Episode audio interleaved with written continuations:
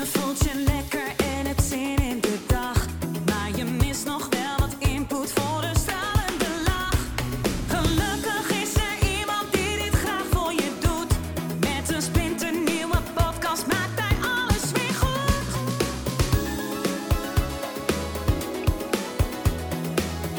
Maak weer eventjes vrij voor Edwin Selij.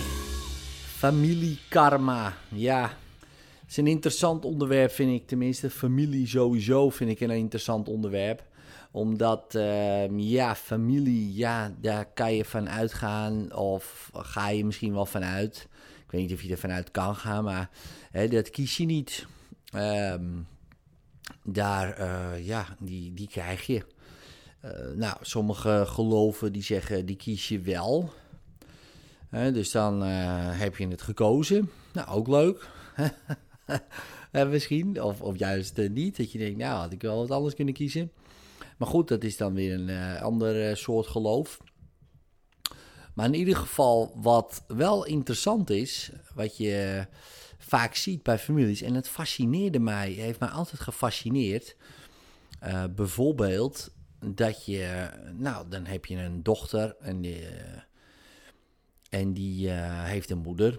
En die moeder die kreeg haar toen ze 16 was, een tienermoeder. En die dochter die krijgt ook weer een dochter op de 16e.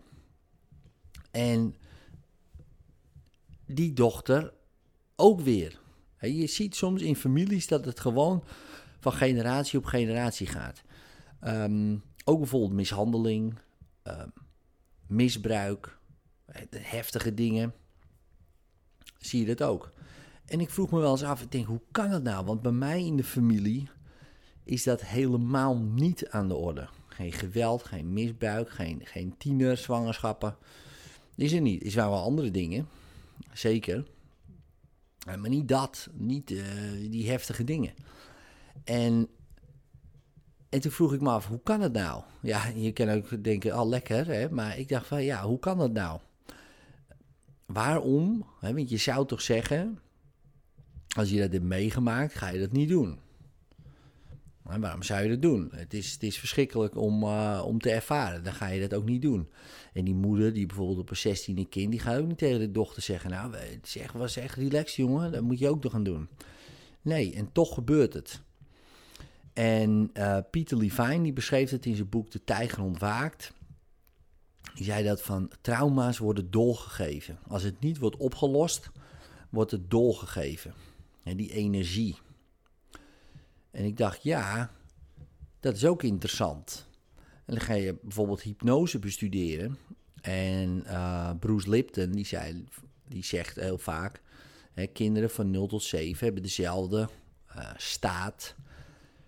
Hè, de diepe hypnose staat als iemand in diepe hypnose. En die zijn heel vatbaar voor suggesties. En als je dat dan weer bestudeert, denk je, ja, die mensen, eh, die mensen in diepe hypnose, die, die doen alles wat je zegt. Vrijwel alles wat je zegt. Die kinderen ook. Maar dat niet alleen, en dat herken je zelf ook als je kinderen hebt. Ze zitten zoals jou, ze slapen zelfs zoals jou. Alsof ze jou hebben zien slapen, slapen ze precies hetzelfde. Hoe kan dat dan? Dat is geen gen. Je hebt geen soort gen van, oké, doe je arm onder een kussen en je mond eh, half kwijlend open. Daar zit geen gen, eh, er komt geen gen aan te pas. Dus wat is dat dan? Dan zeggen ze, ja, dat modelleren ze. Ze leren van je. Ja, precies, maar ze hebben mij niet bestudeerd als ik aan het slapen ben. Dus hoe doen ze dat dan? Er is eigenlijk maar één mogelijkheid, doordat ze mij zijn. En zo leren ze natuurlijk ook het snelste. Daarom praten ze ook zoals mij. Nou, wat ook niet altijd het meest handig is. Hè? Met, eh, Gelukkig, mijn oudste zoon zit op het VWO, dus die praat al een stuk beschaafder dan ik. Dus dat is eh, wel prettig. School heeft ook heel veel invloed. Ehm, thank God for that. En soms dat je denkt, nou, jammer, hè? maar goed. eh, in dit geval is dat misschien wel lekker, maar... Maar ze doen mij. Hè? Dus ze lopen zoals ik, ze praten zoals ik, ze, ze, ze liggen zoals ik, ze zitten zoals ik, eh, ze eten zoals ik. En ze doen mij. Nou, oké, dan denk je, nou, oké, dat, dit is allemaal te begrijpen. Maar als je dat dus allemaal leert, onbewust, op een onbewust niveau, hè, dus je doet iemand, ja, dan doe je dus ook al die andere dingen. Dus ook al mijn problemen doen zij. Ja, en of dat nou heel lekker is, dat weet ik dus niet. Dus al mijn traumaatjes, ehm, eh, problemen, ja, die kopiëren zij ook allemaal. Ja, dat doen zij ook. Mijn, ehm, ehm, misschien verslavingsgevoeligheid kunnen ze kopiëren. Maar als ik daar niet, eh, gelukkig heb ik daarmee gebroken. Ja, niet meer die gevoeligheid ben ik nog steeds, maar ik doe het niet meer. Ja, ik doe niet meer verslaafd, hè, dus dat is, eh, dat is prettig. Hè, dus zij ook niet. En ik denk, ja, dan moet je nog maar afwachten. Nou, mijn zoon is nu in die leeftijd. En dat, hij, dat ik begon, nou, hij uh, doet het niet. Nou heb ik er nog drie, dus hè, we wachten nog een paar jaartjes af of de theorie uh, sluitend wordt gemaakt in ons gezin. Maar zoals het er nu naar uitziet, um, we hebben natuurlijk ook nog uh, de moeder, hè, thank God for that, die ook uh, allemaal uh, goede dingen doorgeeft. Um, maar het is wel interessant. En ook een kans biedt het, ja, om voor eens en voor altijd dat op te schonen, hè, dat probleem. Want het is niet alleen jouw probleem. Het is misschien wel een heel generationeel probleem. Ja, het kan natuurlijk ook puur alleen jouw probleem zijn. Maar je wil ook niet dat het een generationeel probleem wordt. Maar het kan nu al een generationeel probleem zijn. Als je denkt van ja, mijn moeder deed het ook. Of doet het nog steeds. Uh, en mijn oma ook. En ik uh, doe het ook. Ik weet nog um, heel goed dat ik een versnelde schildklier had. Toen zei ze, oh ja, ja, dat hebben we allemaal in de familie. Ja, dat wist ik dus niet. En toen had ik het opgelost. En toen uh, zei mijn uh, moeder, nou ja, het was ook alleen bij de vrouwen. Weet je wel, maar als eerste instantie was het eigenlijk heel logisch dat, dat ik dat zou, zou gaan doen. En ook medicijnen ervoor zou gaan nemen. En bij ons ook allemaal hoge bloeddruk. Dus mijn bloeddruk is, is prima. Ja, en dat wil ik ook zo houden. Maar dat is wel iets wat doorgegeven wordt. En dan kan je zeggen, ja, dat is een gen en daar ben je gevoelig voor. Dat zal ook best wel. Ja, er zal zeker wel een bepaalde gevoeligheid uh, zijn. Maar dat wil niet zeggen dat je dat niet kan veranderen. Uh, door middel van bijvoorbeeld anders te denken, uh, anders te eten, anders te bewegen, um, andere dingen te doen. Nou ja, noem maar op. Er is een heel scala aan mogelijkheden die je kan doen, zodat je dat probleem niet gaat doen. En hoge bloeddruk, nou, dat is helemaal een van de meest, nou ja, onbekende problemen. Ja, het is een heel bekend probleem, maar waar het precies vandaan komt. De oorzaken.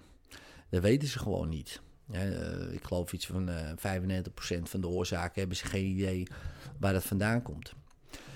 Dus als ze geen idee hebben, dan zal het wel niet iets fysiek zijn. Uh, of in de zin van um, waar een kausaal verband in zit. Van oh, uh, je, je, doet, uh, je, je hebt iets bijvoorbeeld en daardoor heb je die hoge bloeddruk. Nee, dat zal dan wel komen door alles wat je uh, hebt gedaan in je leven. Of aan het doen bent in je leven. Wat daarvoor zorgt. En wat er gevolg wordt. En de een is inderdaad daar gevoeliger voor dan de ander. Kijk, als jij vanaf jongs af aan gewend bent om vier keer in de week McDonald's te eten, ik noem maar wat en je krijgt op je vijftigste hoge bloeddruk, dan zou je er niet misschien correleren of zeggen van nou, dat komt door McDonald's. Maar die kans dat het zo is, is best aanwezig. Weet je wel, en je moet ook niet, uh, of je moet, je, je, moet helemaal niks, maar het is handig om zeg maar niet, uh, niet uh, als een kleuter te denken. Oh ja, nou, ja, dat doe ik lekker zelf wel, weet je wel. Of uh, nou uh, ja, dat maakt mij helemaal niet uit. Uh, je moet ook genieten van het leven. En nou, dat soort uitspraken hoor je wel eens. Maar dit is een beetje van die kleuterschool-ideeën. ja, dat, maar die bankjes zijn nu al te klein, hè. Dus die tafeltjes zijn te klein. Die maken ze niet voor niks zo klein. Al dus Jim Rohn.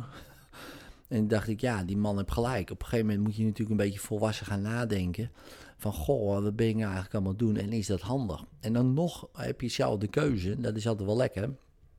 Dat je denkt, nou, ik uh, ga wel lekker McDonald's eten, ik mij schelen. En ik en, en als daar gevolgen uit voortkomen, nou oké, dan uh, prima, dan weet ik dat maar. Ja, diabetes of hoge bloeddruk of wat dan ook. Nou, het zou best wel kunnen dat jij uh, zo'n genenpakketje hebt, dat er niks gebeurt. Kan ook nog. Ja, ik bedoel, uh, als jij een mindset hebt van een McDonald's, daar word ik super gezond van. En ehm, ik bedoel, er zijn mensen die eten iedere dag een Big Mac. Nou ja, dat gaat nog steeds prima.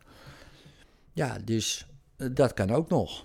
Ja, dus het is niet, uh, maar het is wel handig als er wat gebeurt, dat je denkt, hé, hey, goh, wacht, wacht eens even, uh, hoe kan ik dat aanpassen?